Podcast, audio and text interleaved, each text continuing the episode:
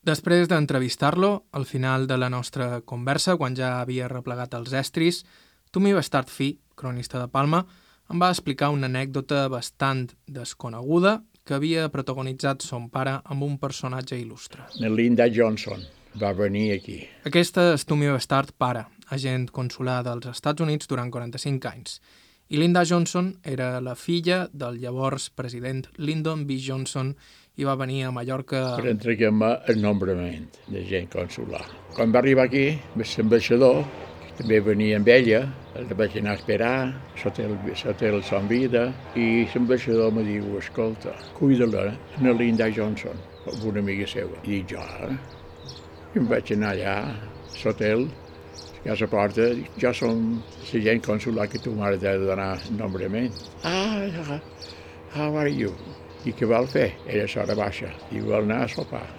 Diu, no, vull fer qualsevol cosa que no fet mai a baix de l'hotel Son Vida, així de gent, d'autoritats, cotxos, hospital general. Vaig cridar al meu germà Pep, tenia un Seat, i li va dir que, escolta, dugue'm el Seat a les cuines de Son Vida, i després te'n vas, deixes les claus. I amb un Seat 600, una linda aquí, l'amiga aquí, i un policia americà que duia.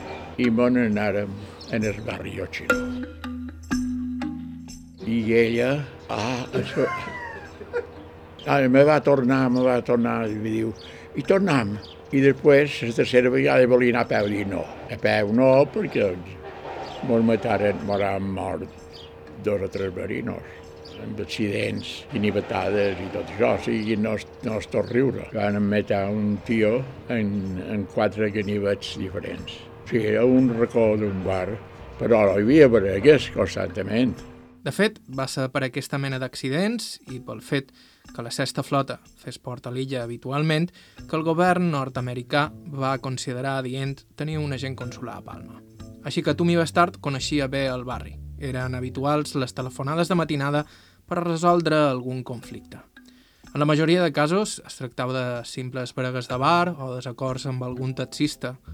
Els dòlars, llavors, eren moneda preuada tothom esperava l'arribada dels vaixells americans i d'aquells mariners amb ganes de festa, sobretot a la porta de Sant Antoni. En casos comptats, però, les telefonades eren per assumptes més greus. I era llavors quan la policia militar yanqui tancava el barri amb pany i clau. Stop, out of bounds. Out of bounds vol dir que no podies anar. I posaven 30 o 40 policies i no podia, no hi anava ni un marino. Això potser no és del tot així. Tal era l'ímpetu d'aquells homes que sovint s'amagaven al maleter dels taxis per poder esquivar els controls de la policia militar. Els americans eren tan bons clients que amb ells arribaven al barri prostitutes i travestis vengudes de Barcelona que els acompanyaven de port en port. Però els dòlars no només els encalçaven les dones. Sant Bartomeu Jol tornava és que jo no acceptava de cap manera del barri xino. Perquè, clar, aquí aquesta gent havien comprat mils de cerveses i, clar, i si no poden entrar, m'entens? No tan sols això, sinó tots els capellans de les parròquies me telefonaven quan venen els barcos. Per què? Perquè les putes omplen sempre els, quixo, els quixons de totes les parròquies quan venen els americans. L'historietista i il·lustrador Gavi Beltrán també recorda perfectament els americans. Ell havia nascut al barri xino i de jovenet baixava amb els seus amics al port a veure si es podia guanyar alguna propina. Sí, es un poco como en las películas estas de los cuando van a, a, a los occidentales a los, a los países pobres, ¿no? que van los niños pidiéndoles dinero y tal. Pues nosotros hacíamos lo mismo, solo que en vez de pedirles dinero les, les decíamos que nosotros sabíamos dónde estaban las mujeres un rollo así muy de crío, pero que eh, nos funcionaba para ganarnos un poco la vida. Íbamos al puerto, venía aparcaba, bueno, aparcaban, atracaban los portaaviones en la bahía porque no podían entrar, son demasiado grandes, no podían entrar. Entonces bajaban con lanchas al puerto, había una oficina donde sellaban los permisos de salida o de entrada de nuevo al barco y les daban, yo que sé, dos o tres días de permiso. Claro, los marinos cuando igual se han tirado seis meses en alta mar o más recorriendo el mundo. Claro, lo primero que buscaban era mujeres, y entonces nosotros sabíamos, claro, que era nuestro barrio era donde estaban las prostitutas, ¿no? Y las putas, pues, como todas, casi todas eran o, madres de, amigos o eran amigas de mi madre o, nos conocían muy bien, pues nos daban una propina por llevarles a los americanos que pagaban en dólares y entonces las, las los llevábamos allí y ellas nos daban pasta y ahí los, los dejábamos pues, a, su, a su historia. ¿no? Aquells dòlars també van permetre a algunes de les prostitutes més espavilades estalviar prou doblers com per posar un negoci legítim. D'altres ho varen invertir en comprar alguna cosa a la mateixa zona. Alguns dels mobles que encara queden varen sortir d'allà. I d'altres s'ho van fondre tot o s'ho van fondre els seus macarres. Perquè entre finals dels 70 i principis dels 80 va començar a circular una nova droga pels carrers del barri xino i gairebé d'un dia per l'altre les coses varen canviar dràsticament. Ningú no estava preparat per a l'heroïna i molts ho varen pagar en la seva vida.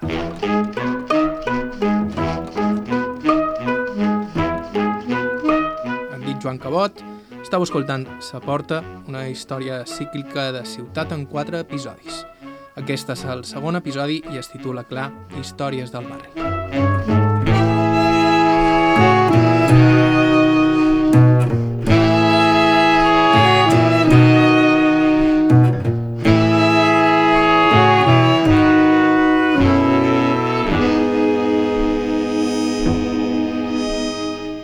Gavi Beltrán va néixer al barri xino de Palma, el 1966. En concret, va viure bona part de la seva infància al carrer Bosch. I no va ser una infància fàcil. Les seves pròpies vivències varen ser la font d'inspiració del còmic Històries del Barrio, que el 2011 va signar a mitges amb el dibuixant Bartomeu Seguí i en què retratava la vida en aquells carrers al llarg de la seva adolescència en els anys 80. En el còmic, Beltrán inclús dona a entendre, de manera un poc tapada, un detall sobre la seva família sobre el qual encara avui en dia li costa parlar obertament. Bueno, mi madre era prostituta.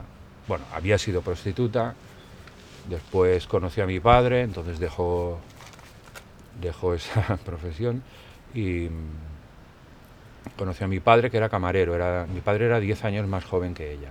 Mi padre biológico, ojo. Él era camarero y, y él tenía 25 años cuando conocí a mi madre y mi madre 35. Se casaron y tuvieron tres hijos, pero mi madre ya había tenido hijos antes. Entonces nos tuvieron a mi hermana mayor, a mí y a mi hermana pequeña. Tots tres acabarien separats. Ell i la seva germana gran varen entrar a distints internats i a la seva germana petita, en qui ha recuperat el contacte fa ben poc, la varen donar en adopció. Mi madre era una depresiva violenta, podría definirlo así. Con los años yo la he entendido, he entendido la situación, ¿no? En aquel momento no, pero era una mujer muy depresiva, tenía unas depresiones tremendas y era violenta. ¿Tu madre te habló alguna vez de, del tiempo en que ejerció o No. te hablaba de... No, ¿De cómo funcionaba? De hecho, de hecho era, fueron, fue prostituta mi madre y su hermana mi tía, las dos. No, no, no, mi madre nunca me contó nada. ¿Cómo te enteraste? Porque es el barrio. Al final te enteras que una tarde me enteré de que mi madre había sido prostituta y me sentó como el culo, claro. Tenía, era un chaval de 15 años y estas cosas las llevas muy mal, sobre todo en aquella época, que toda- todavía eres, tienes esa educación todavía de barrio machista. Y claro, tú piensas que tu madre es una mujer perfecta, una santa, incluso si te zurra, ¿no? Porque es tu madre, ¿no? No te, no te la puedes imaginar ejerciendo... Y yo recuerdo que para mí fue un, fue un trauma. Y sí, y mi hermana que es mayor lo sabía, tampoco me dijo nada. Pero bueno, hay que entender la situación de la época, la pobreza, y mi madre hizo eso pues porque tenía que sacar adelante a niños. Y no, y no tenía estudios, o sea que... En tot cas, si hi havia un lloc a Palma on ser fill de prostituta només era un estigma a mitges, era el barri xino. La majoria de dones que exercien al barri vivien allà mateix i els seus fills venien amb tu a l'escola, jugaven amb tu a futbol i eren els teus amics de la infància. No sé cómo es ahora el- ese ambiente, no lo desconozco por completo. Lo que sí yo recuerdo de, de las mujeres que trabajaban en aquella época en, el- en este tema, eh, eran muy respetables, eran, eran señoras. Yo eso, o te las encontrabas en el colmado, en la cafetería y todo el mundo las respetaba, todo el mundo sabía perfectamente que, no diré nombres obviamente porque algunos viven, pero que la madre de tal o tal ejercía la prostitución mi madre fue prostituta. Yo, de hecho, un, verano que a mi madre le ofrecieron el, trabajo de, de, limpiar uno de los clubs, de lo que entonces se llamaban eh, mobles. Y entonces por las mañanas, mmm, yo, eh, para ganarme unos duros, me iba con ella y limpiábamos la, el, el, pues eso, la, el el, la barra del bar, recogíamos las, copas y tal. Que a mí eso me, encantaba porque imagínate, con 15 años era como el mundo del sexo, ¿no? De repente, como, uff. Y me acuerdo mucho de, de los olores, del, del tabaco, del, de las bebidas y eso. Y mi madre conocía a todas las madames, que entonces se llamaban las madames de, de, de todos los clubs de, de, allí. Y alguna, bueno, la, madre de uno de mis buenos amigos de entonces, que él falleció de SIDA, era una de las, de las madames más importantes del, del barrio eran señoras, es decir, en el barrio no había ninguna diferencia. Convivíamos gitanos, eh, trabajadores, bueno, no digo que los gitanos no lo fuesen, pero ya me entiendes, eh, prostitutas, chulos, alcohólicos, convivíamos con bastante tranquilidad. Los problemas solían llegar de fuera, pero todo el mundo en algún momento lo pasaba mal. Entonces, sí recuerdo una, con nostalgia además, una cierta solidaridad entre la gente porque sabías que de repente fulanito se había quedado sin trabajo y entonces la mamá tenía dos niños y no sé qué, entonces se juntaban tres vecinas y hacían una olla y les llevaban un estofado y porque al final sabías que o ese mes o el siguiente o el siguiente el que se iba a quedar sin trabajo eras tú. Entonces más valía que te, te llevaras bien con los vecinos y eso. Pero las prostitutas, yo las recuerdo como señoras, yo les tenía mucho respeto. Bueno, yo, todo el mundo porque no, no, eran mujeres que se drogasen, ni siquiera bebían alcohol, no eran, se tomaban la copita esa de, que en aquella época funcionaba así, esto yo lo, sé porque además mi madre me lo contaba, ¿no? se llamaban bares de alterne, tú ibas allí como hombre, invitabas a una mujer a una copa y luego ella decidía si subía o no subía, pero la copa ya, eh, ya, ya la, por la copa te cobraba eh, cuatro veces más que en cualquier sitio porque ella se va a llevar una comisión de esa copa, ¿no? Y la madame se lleva a otra. Y luego ella decidía si subía o no subía a, a, tener sexo con el hombre.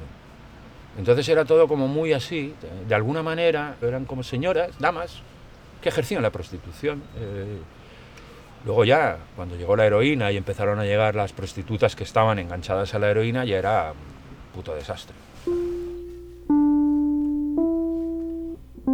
Va ser llavors, amb l'arribada de l'heroïna, que l'ambient del barri es va enterbolir. Els testimonis de l'època ho descriuen com un canvi radical, fulminant. Bueno, el barrio chino siempre fue el barrio chino.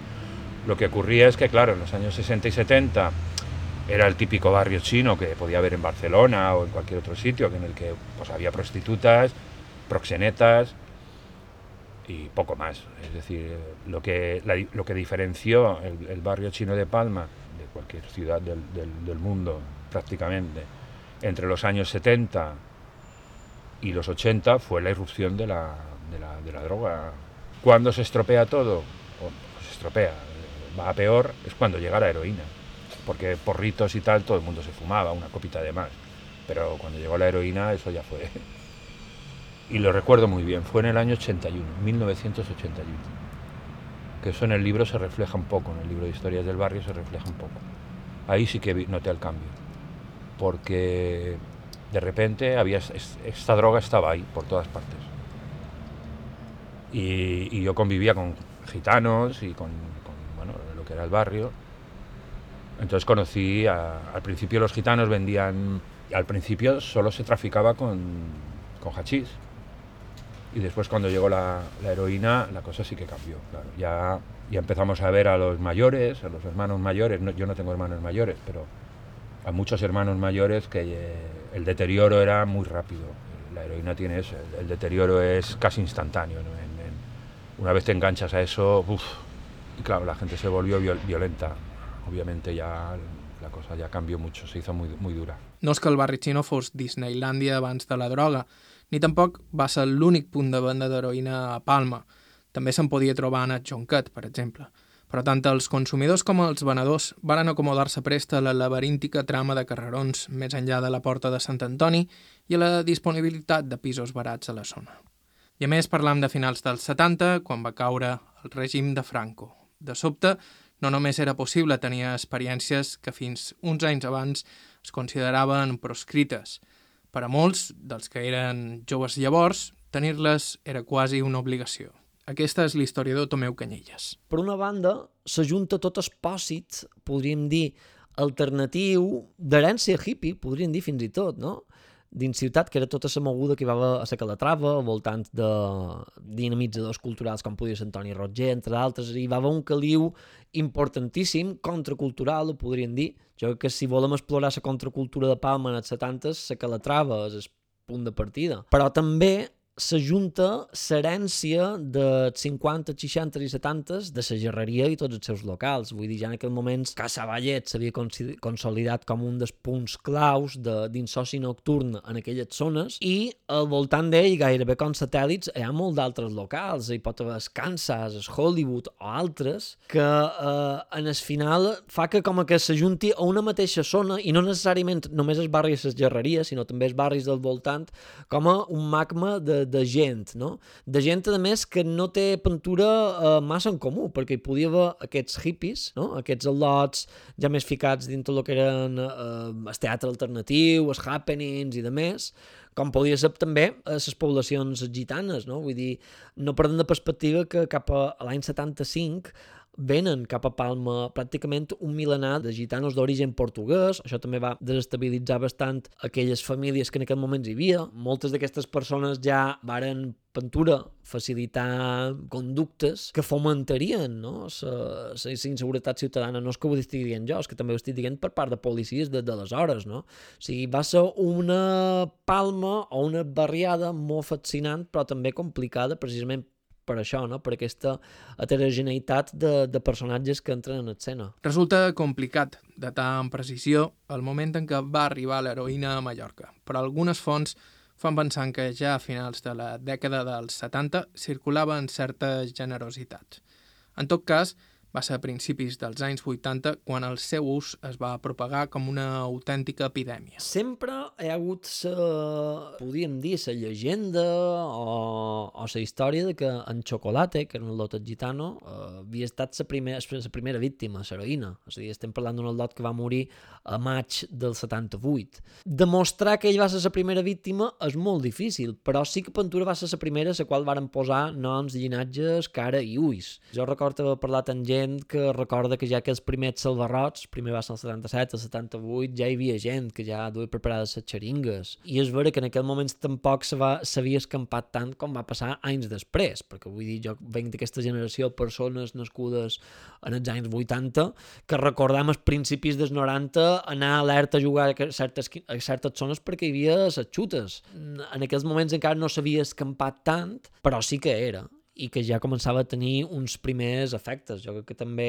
era interessant veure les reaccions d'aquelles primeres víctimes per sobredosi, perquè no se va arribar amb facilitat a explicar a la gent el que havia passat. No? Se deia intoxicació, no se deia pintura sobredosi o adulteració o altres d'aquestes causes de morts derivades de la droga. És vera que ja hi havia droga aquí. De fet, hi ha novel·les mallorquines que mos parlen de cocaïna en els anys 50 a Mallorca i no perdem tampoc de perspectiva que hi havia un triangle potentíssim a nivell de narcotràfic que era el nord d'Argel, Balears i Barcelona. Això era un triangle que ja els, mateix, els mateixos policies d'aleshores ja ho destacaven com un dels més importants de, de, de, de la Mediterrània. Record haver parlat amb un policia arrel d'una antiga recerca que va dir que el 77-78 hi va haver com un canvi molt estrany, perquè de cop i volta aquells quatre al·lotots que, que duen guinevetes i podien atracar la gent havien començat a dur escopetes i recortades i entraven a joieries ja armats, vull dir... I tot això sempre motivat per aquest submón de, de, de la droga. De la mateixa forma que l'entrada de l'heroïna a altres capitals espanyoles va ser com molt gradual, molt lenta, aquí en Mallorca, al igual que altres capitals, va ser com un poc una explosió. Una explosió devastadora. En qüestió d'anys, l'heroïna es va convertir no només en un descomunal problema de salut pública, també en un mal de cap constant en matèria de seguretat ciutadana. Estem parlant de que cap a l'any 85-86 se va fer un, un informe fet aleshores per la Conselleria de Salut, amb, no sé si era en Creu Roja, no sé qui era. Estem parlant d'aquells anys encara que no havia arribat a materialitzar-se el projecte Homo i que en aquell moment s'està començant a, in a introduir aquella agrupació que llavors va ser una secta que era el patriarca, pues estem parlant aproximadament que cap al 85 hi havia uns 6, unes 6.000 persones enganxades a l'heroïna a Mallorca. Estem parlant també que no hi havia tampoc ni eines preventives ni eines formatives al voltant de les conseqüències que hi podia haver amb aquest tipus de consum i el que va passar és que, evidentment, si una persona no té pintura massa recursos com moltes d'aquelles persones, no i totes, però moltes persones sense recursos van acabar enganxades. Això fomentava precisament no? la necessitat per evitar el síndrome d'abstinència, delinquir, no? cercar a tota costa una, una font d'ingressos que se podia fer fos robant una botiga, atracar, robatoris de tota categoria, vull dir, jo parlo a vegades amb gent dels anys 80 i ho agafen com a que cada zona tenia el seu yonqui que atracava i s'agafava amb una certa normalitat i deportivitat fins i tot, no? Vull dir, t'havia tocat a tu, mala tarda. Palma no és, la d'avui no té massa a veure amb la de fa 30-40 anys, en aquest sentit. La Policia Nacional, en el seu butlletí, si no record malament, de gener de l'any 80, se considerava Palma com una de les capitals de província més insegures de l'estat espanyol. És a dir, me'n recordo haver vist la llista de ciutats i crec que estàvem entre Màlaga i Ceuta, és dir, com a fet revelador. També el periodista Miquel Manera recorda perfectament aquell canvi de to. Nascut el 1964, allà mateix, a la Gerreria, Manera coneixia bé la realitat de la zona abans d'allò, un barri modest, de gent treballadora, que convivia sense gaires problemes. Era un barri obrer i la gent era humil, o sigui, gent molt humil, o sigui, però treballadors com mon pare i mon mare. Mon pare feia feina de per deia ma mare cosia que nostra i tenia, tenia jo que era el major i dos germans bessons i mon pare pues, havia de treure endavant a una família en el que guanyava de piquer deia i, i l'altra gent també. Tenen dos records, o sigui, el que era la gent normal i corrent i després la gent que, que era la prostitució, la gent de mal viure, eh, el que nosaltres les dèiem esputero, que era això, hi havia és que hi havia, eh, hi havia comerços de, de tot, hi havia Casa Roca, de vora Casa Roca hi havia Calzados i Seny, que venien, eren unes primeres tendes que van vendre porqueres, i davant hi havia la bodega Ciré, de vora hi havia el font de la Llongeta, de vora Ciré hi havia una tenda de galletes que se deia Galletes Pol, de vora Galletes Pol hi havia Plastigón, que era una tenda de submarinisme que duia el president de la Federació Balear de Submarinisme, davant les fletxes, Després eh, hi havia un fotògraf en Perales, que va ser un jugador de Mallorca. Davant en Perales hi havia un rellotger en Segura. Després hi havia el Café Bahia, un forn, o sigui, era, era gent normal i corrent i treballadora.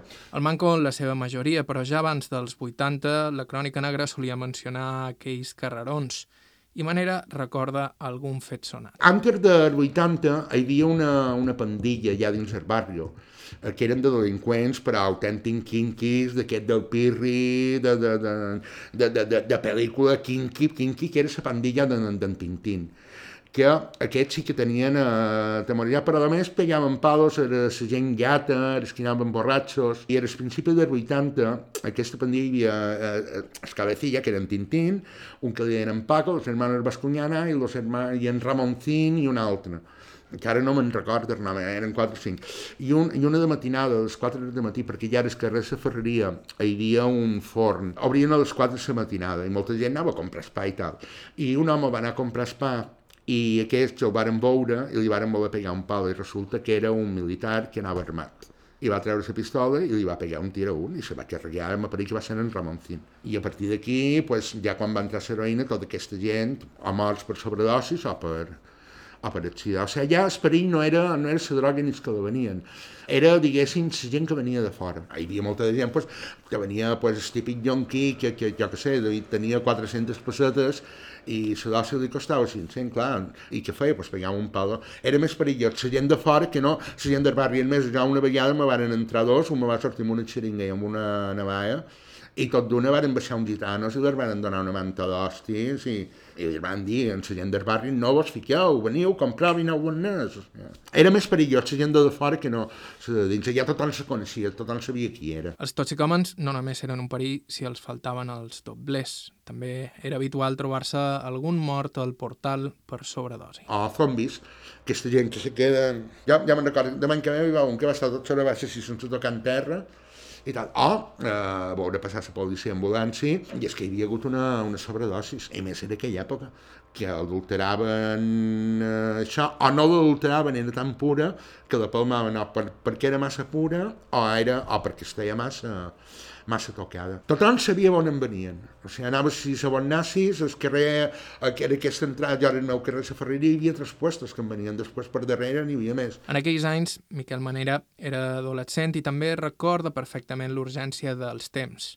Semblava que havies de provar-ho tot i explorar qualsevol possibilitat. Sí, de no fer res ho podies fer tot. Ja me'n record, era els anys 80, anàvem per Jonquet, a l'època del Jonquet, eh, que de punta, tot de negre, te venia un, oh, què te passa, tio? Ah, m'he pres aquesta pastilla a la meva predina i, ei, ja! Clar, informació, ignorància, no ho sabies, clar, tu pensaves, joder, que anirà més col·locat que jo, i, i això passarà, no, no, i clar, i, i, en, tot, i en tot passava el mateix. I això explica per què molta gent que va ser jove en els anys 80 a Palma respon de la mateixa manera quan li demanes si va perdre molts amics aquells anys. Buf, buf, Buf, i sobretot era gent que va entrar al cavall després, sí, després a, amics però de, de, de, de bones cares que van arruïnar la seva família en, en, en l'heroïna aquesta, saps? O sigui, i, i amics i amigues mortes, buf, en té més de, conegut de morts que de vius, o sigui, que...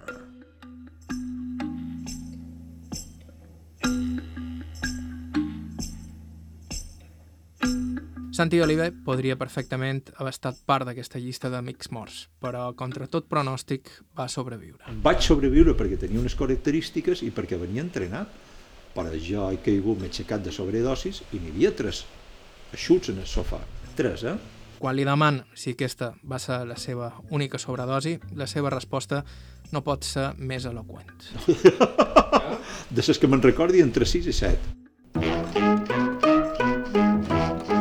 La seva història després de la pausa.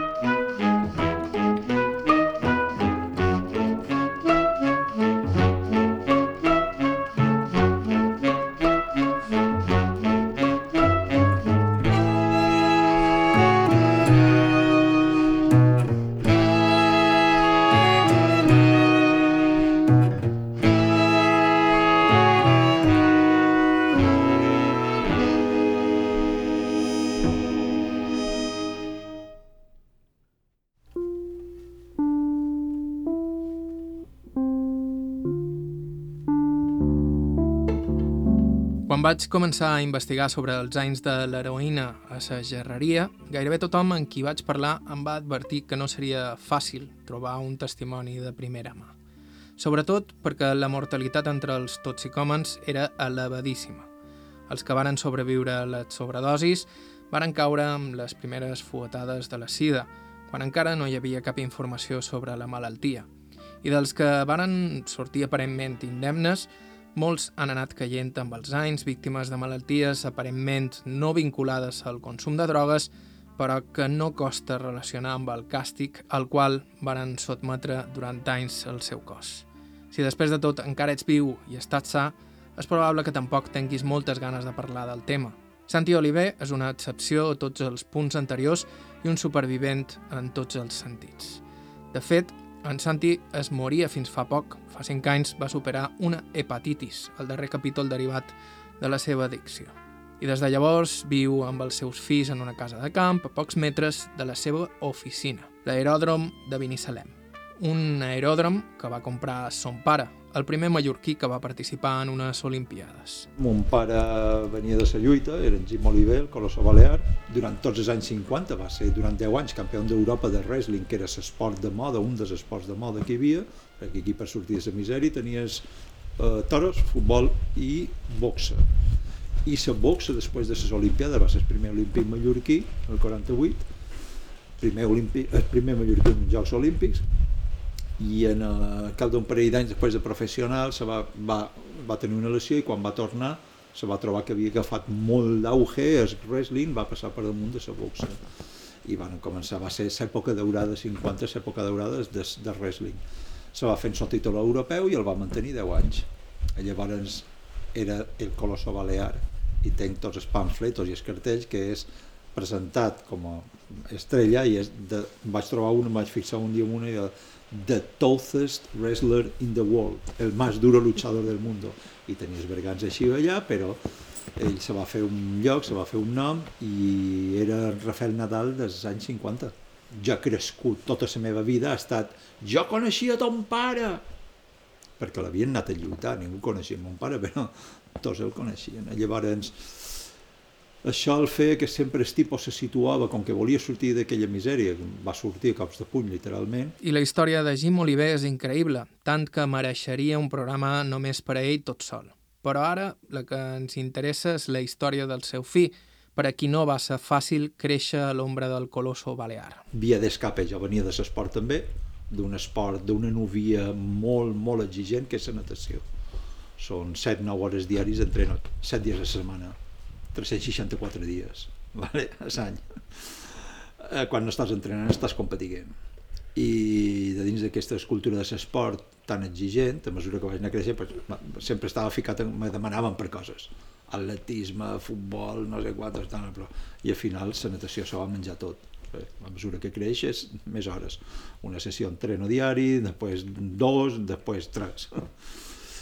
I, i, bueno, i se me van juntar unes quantes coses, el fracàs escolar, tot allò, i jo se m'ha fet una bolla tota a partir dels 14-15 anys ja, se m'ha fet tot gros. I la pressió a casa, que no vull dir que, tingui, que, que fos dolent, eh, l'entorn familiar, però això me resultava tot molt, molt, molt agobiant, jo necessitava mm, un altre tipus d'estímul i jo vivia en un món encorsetat, hi va haver un moment que hi havia una incompressió anímica i mental brutal i allò se m'ha fet molt gros, jo necessitava altres coses i vivia encossetat en aquell entreno, entreno, entreno i falta de, diguéssim, de carinyo tenir-ne d'una altra forma. Jo entenc el perfil del tipus que era, per això m'ha afectat molt. Tens un tipus fet a si mateix i, i aquella autodidacta i disciplina i sacrifici i constància que per jo era natural,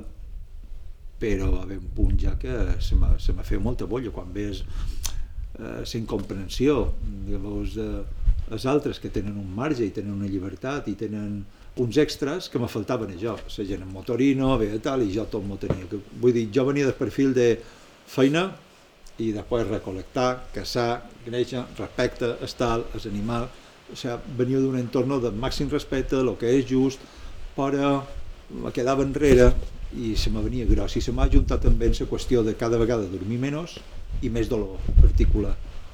Va ser una mica des dels 13 no dormia 4 o 5 hores diaris entrenant el que entrenava més a escola i quedar-te en blanc, arribar rebentat i estar destruït d'agujetes, el que pensava que eren, la meitat eren agujetes, però l'altra meitat eren estat carencial. I allò també me va esperonejar sortir de fora, vaig començar a beure, a fumar, mentre entrenava, fin, finalment es, va haver un punt en què a casa es, eh, bueno, els resultats no, no van bé, vaig repetir, tal, els resultats no van bé, van tenir conflictes, la segona setmana d'estar fora d'entrenar, imagina't, tot aquell eh, desgast i aquella energia que empleava dues setmanes fora entrenar, amb 17-18 anys, me pujava per les parets.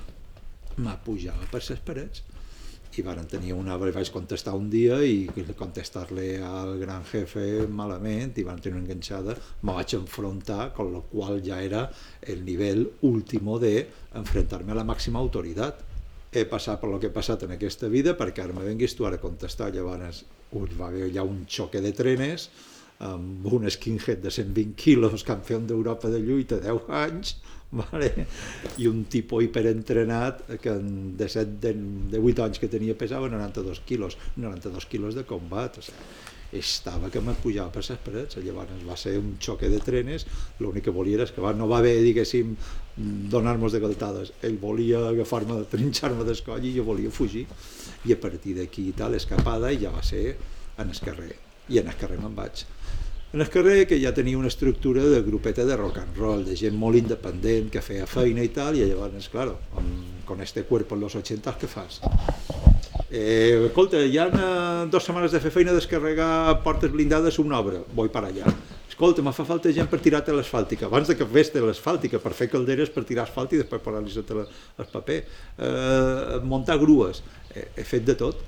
Cobraves un sou, com que funcionava fer feina per dos o tres tipus, perquè no, quan, quan estigues a feina, estigues a feina, pam, pam, pam, pam, pam, tenia extra per vina, o els deia, no, el menú me'l pagues tu, però clar, jo el menú eren dos o tres primers, dos o tres segons, dos o tres postres. I després, tot el que cobrava, el vespre, fundido, amb convidar cerveses, en canutos, en tal, amfetamines, eh, tot allò me donava aquell tenies component social de uala, festival diari, més el, el component de tinc un temps que entre lo social, el punt rock i el futbolín i fumar i beure no tinc aquest dolor articular.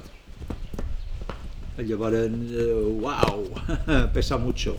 Com que venc de la medicina esportiva, no sóc un ignorant, demà resaca. Però conyo, tu visquen amb aquest dolor, amb dolors i fatiga i insòmnio tota la vida.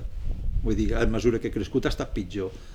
I sapiguent el que era la eh, ressaca, m'és igual, palante. Ara és, és, és vive el momento, però que dius, ara no tenc dolor, estic distret, no tinc la merda que me menges coco per darrere, ni el dolor físic que me menges coco per, que me menges cos per dins, o sigui, fuera festival. I són els 80 a Palma de Mallorca. 84, 85, 86, 87 va ser el apogeo i me va pillar jo de teenager i bueno, eh, ha dit, eh, vull dir, quan teníem 1.500 pessetes que fèiem? Barco península Oliver passaria els següents anys deambulant fora de l'illa per Barcelona, València i el País Basc, vivint a cases ocupes i fàbriques abandonades, però no va provar l'heroïna fins uns anys després de tornar a la Palma. Llavors havia obert un bar a Gomila, al Tennessee, i la seva parella en consumia. Va ser quan vaig començar a ser heroïna, quan vaig tenir el baret a Gomila, y ya a partir de compañeros que eran usuarios de heroína, un vespre, pues esto, que quedaban al cierre y se me parella pues, va a comenzar un altre pic a consumir, déjame un poco, i al cap d'unes setmanes dir, saca, jo l'havia fumada, l'havia tal, però digo, a ver, saca l'aguja, perquè jo venia de esto, de d'aquesta constància, disciplina i sacrifici i de més venia de no m'importa, a ver, i m'ho vaig trobar el que era un opiáceo que essencialment és quitar dolor. Imagina't jo, amb aquell dolor, amb aquell, aquelles migranyes, aquell malestar general, trobar-me, a veure, hòsties, fins que vaig regular el consum, perquè com el començament de cap consum t'ho passes bé, i fins que li, li trobes la mesura i el teu cos se va adaptant per la mateixa cocaïna, amfetamines o heroïna en aquest cas. I ja a partir d'aquí, la gran deva, la clep. Varen ser anys i anys d'anar i tornar.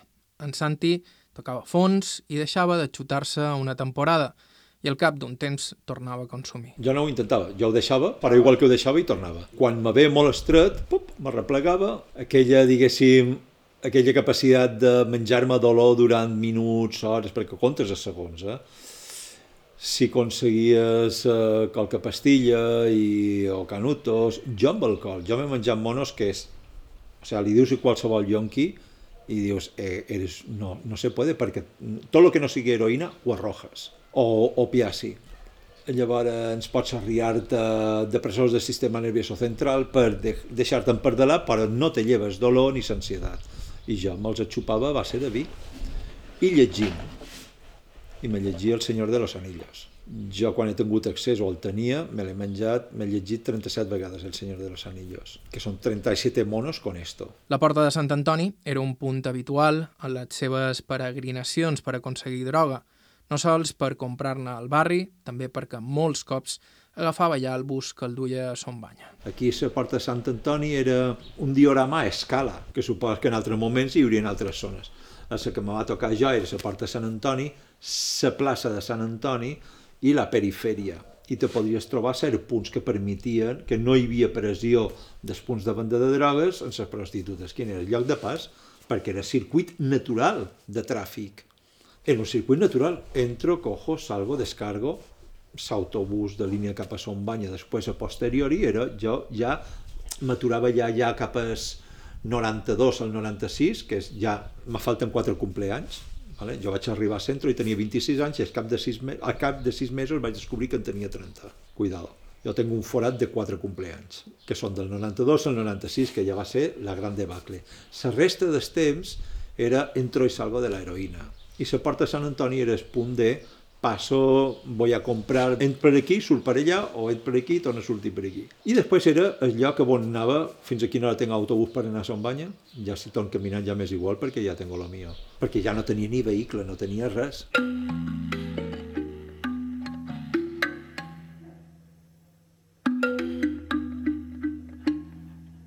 Pensa que aquí la voràgine de les drogues més prostitució i delinqüència era a escala. La supervivència com a yonqui aquí era bastant fàcil. Vull dir, veure... Jo, o sea, no, no me veo forzado. Vivo en Mallorca.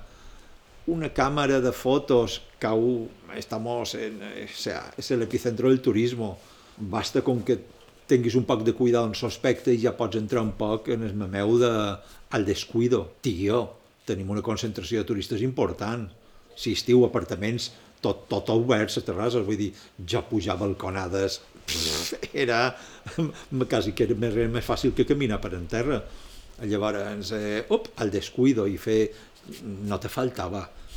Encara amb aquells cotxos podies obrir-te les portetes, i són els 80s en el sou dels 80, un 20% anava a pagar sa casa i la resta era festival, comida, salir, vehículo, tal, te sobraven d'on ves, podies estalviar. Amb un sou de 80.000 pessetes t'agafaves un piset per escàs veí de 20.000 pessetes, de 25.000 pessetes, i si no, si ja quiero algo decente, 45.000, 50.000.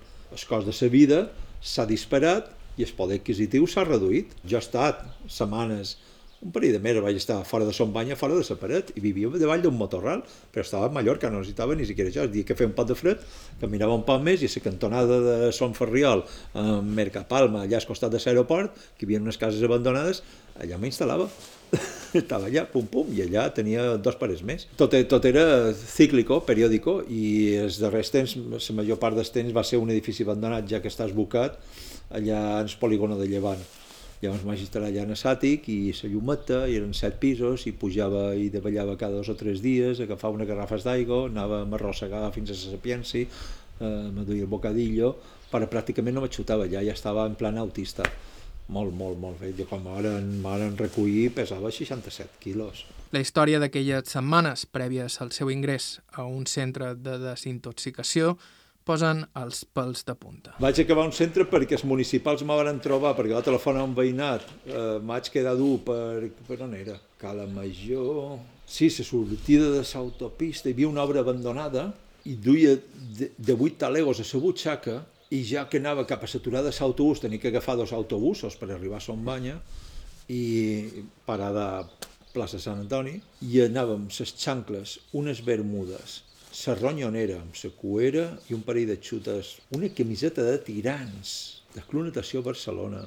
I va haver un moment que m'havien de quedar 200-300 metres per l'aturada de l'autobús que ja no vaig poder donar una passa en vant, me vaig quedar dur, tan dur anava de caminar, tan dur anava, que ja les cames no se me van aixencar cap endavant, ni podia doblegar els tornells, ni l'esquena, ni res. Duia segon o tercer dia de Monazo. I, cercant, clar, i, a, i a mesura que cercava, cercava, m'anava allunyant del centre. Hòstia, que mierda, i m'aturava aquí, venga, dormia aquí, ja tremolos i tal, i m'arrossegava i tal, a veure, em descuido aquí. Finalment vaig triomfar, vaig fer rasca, torna cap a l'autobús a Bontes, cap aquí baix. I anava cap allà, i vaig fer nyic, nyic, nyic, oh, hòstia, no hi arribo. Rejilla, una paret, tal, i dic, mm, vaig passar per la rejilla, ups, el que seria l'entrada i, i, i per lo que les escales fetes d'hormigó en, en sos totxos que encara no hi ha escalons. Per allà, tiqui, tiqui, tiqui, tic, i va, hòstia, una pila de grava aquí, aquí m'estirem a fer fora, la grava duia dos o tres anys allà, que, que era dura com això, i bueno, és igual, ja no me puc moure, vaig agafar una taula d'encofrar, vaig lleure allà damunt, i vaig fotre tres dies en ses dos nits allà sense moure'm. Providencial, a segon vespre així com estava arrufat dur, dur, dur, dur, dur, perquè el que estava era de síndrome d'abstinència ja no d'heroïna sinó de cocaïna també, duríssimo, i alcohol, ja no tant, els darrers temps ja no bevia tant. I vaig veure, hòstia, un parell de revistes, en el capvespre en la llum del fanal va canviar la llum i vaig veure el brillo d'unes revistes, ho vaig estirar així i els vaig treure davall d'uns taulons que hi havia. I em vaig embolicar els peus, perquè no, fred dels peus. I l'endemà, quan vaig despertar, i eren dos revistes del patriarca. Le patriarch. I digo, joder, bueno, i tal, i estava allà. I en el tercer de matí, d'un edifici que, hosti, no sé, a 100 metres, per lo vist, un veïnat havia vist allà un cos. I com que l'havia vist un dia i no me movia, i estava allà que no me movia, ni pixava ni res, perquè no, ni bevia ni, ni menjava, i estava allà dur, completament dur, d'un estat carencial brutal, més síndrome d'abstinència.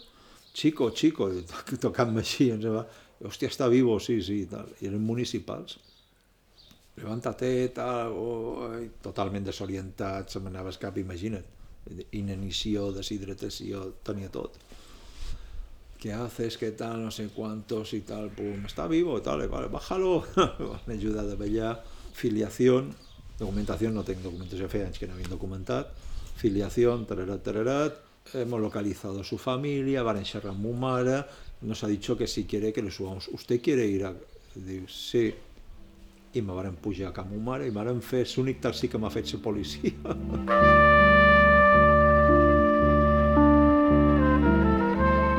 Això era l'hora baixa, ja al migdia, passat el migdia, estiu. I mo mare, que s'havia posat en contacte amb un centre a Palència, ja no sabia ni on estava el mapa a Palència, ni sabia que estava, ni, no en tenia res. Ella em va dir, escolta, si xerrant en un centre a Palència, vaig xerrar amb ell, va al escenari i tal, i vaig dir sí. Jo fins a llavors m'ho havia fet, jo me lo guiso, yo me lo como. Ahora me quito, ahora me pongo. Para de aquella va, yo le digo, sí, es igual, vamos. El dolor físic, anímic, y mental eran brutals. Y bueno, vale, guau, pum, pam, vale, pues mañana viene y tal, venga, pum, pum, trec un bitllet, el bitllet que he trobat és per demà de matí a les 8 des de matí, vale, on està? Vale, aquí no on està, vale. Ten dos ves aquí a casa, sí, quanto? 40.000. Jo en duia de 8.000, 58.000 pessetes, dic. Eh, ton pa, mon pare estava prenent l'atenció, que ja se'l menjava un poc l'Alzheimer, i estava prenent ton pare i tal, no saps si li donarà una embòlia o tal, hola, ¿qué tal? Hasta luego, adiós. Ni, ni... O sea, estava ja el tipo, ja se li veia que se li anava el bony. I estava ja a la taula, prenent-se l'atenció, mirant-se així i tal. I mentre jo era amb mo mare a terrassa, i vaig dir, saca i les claus del teu cotxe.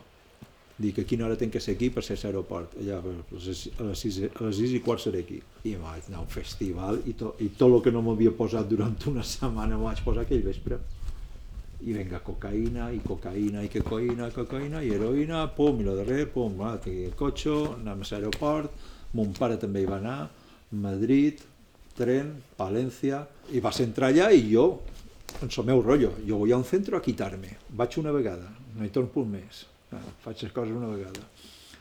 I així va anar, i així vaig descobrir que no tothom que anava al centre volia llevar-se la gent a Ikea o s'escapava a drogar-se o sortien de vacances i, i fent-se recaiguda.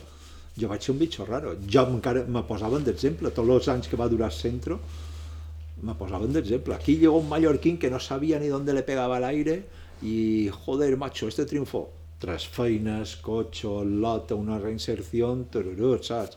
Sa Harley, sa moto, saps? Modificar-la, o sea, ¿Puedo utilizar el taller del metal para venir a hacer una soldadura para no sé cuántos? Claro que sí, y llevarse allá y tal. ¿Veis a este, este tipo, coño, joder, este tipo, mira, yo llevo dos reingresos aquí y este tipo y tal, joder, qué bien pirata, qué bien te veo. Santi Oliver du des de 1996 sense prendre drogues, en el 98 va deixar també de beure alcohol i uns anys després va deixar també de fumar. Però, segons ell, la seva vida no s'ha començat a estabilitzar de veres fins fa ben poc. I pot ser perquè és conscient de la sort que ha duit, ha convertit casa seva en un refugi per on han passat amics malalts o companys que es volien desenganxar, tot i que, si es posa a pensar-hi, en els darrers anys ha assistit a massa funerals. Ja no me queden molt, col·lega, molt de col·legues en els que ajudar perquè pràcticament no tots són morts. Accidentes, sobredosis, punyalades, malalties, tot el que vulguis.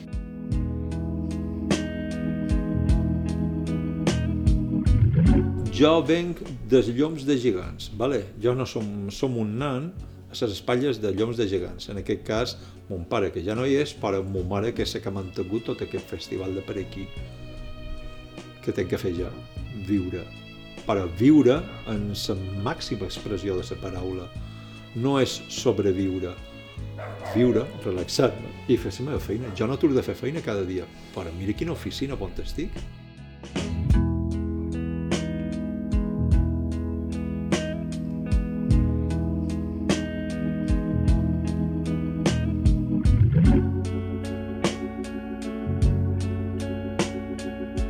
La setmana que ve a sa porta entren les excavadores. L'entremat que hi havia era de carrerons estrets cutres. És molt bo d'aclarir on eh, hi ha pisos turístics o no, perquè basta que te passeges i veus les tabeles del balcó. La gentrificació és històrica, sí. Eso lleva ya arrastrando 30 años.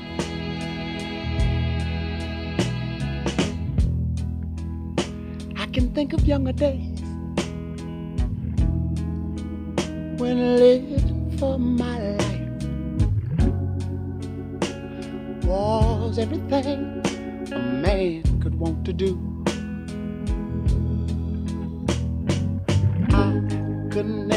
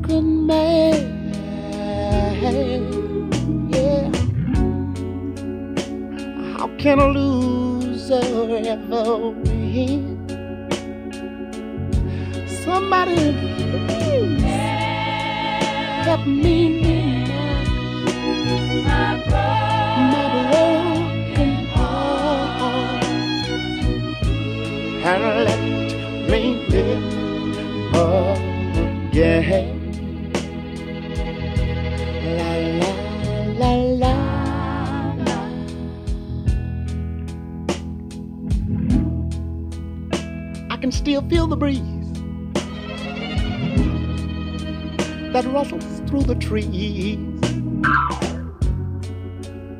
and misty memories of days gone by.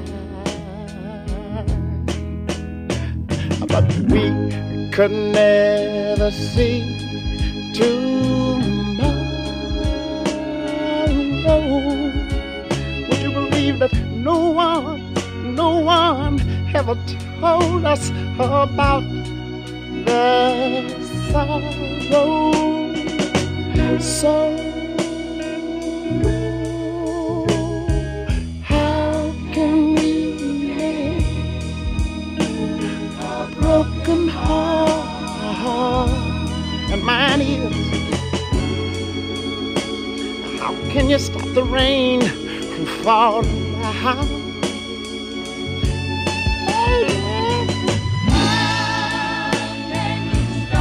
stop us?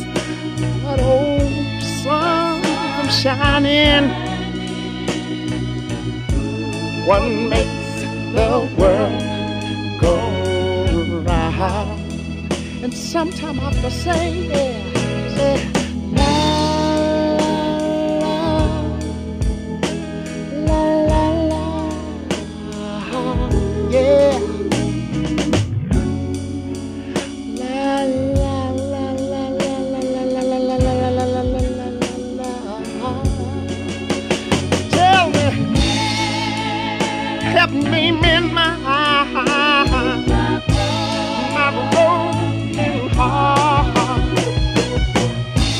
wanna, I just wanna, I just wanna, I just wanna, I just wanna live again, baby.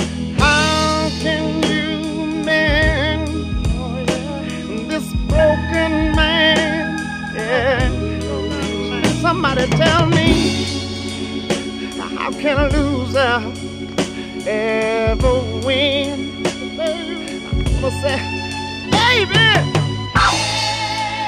help me mend my this old broken heart. I think I, I believe I, I feel like I got to, I feel like I wanna live again. How can you mend this broken heart? Somebody please tell me, how can you stop the rain from falling down? Although my clothes are wet, tell me, how can you mend my, please help me mend my broken heart. I think I, I believe I, I got a feeling that I want to live, and live and live la la la la.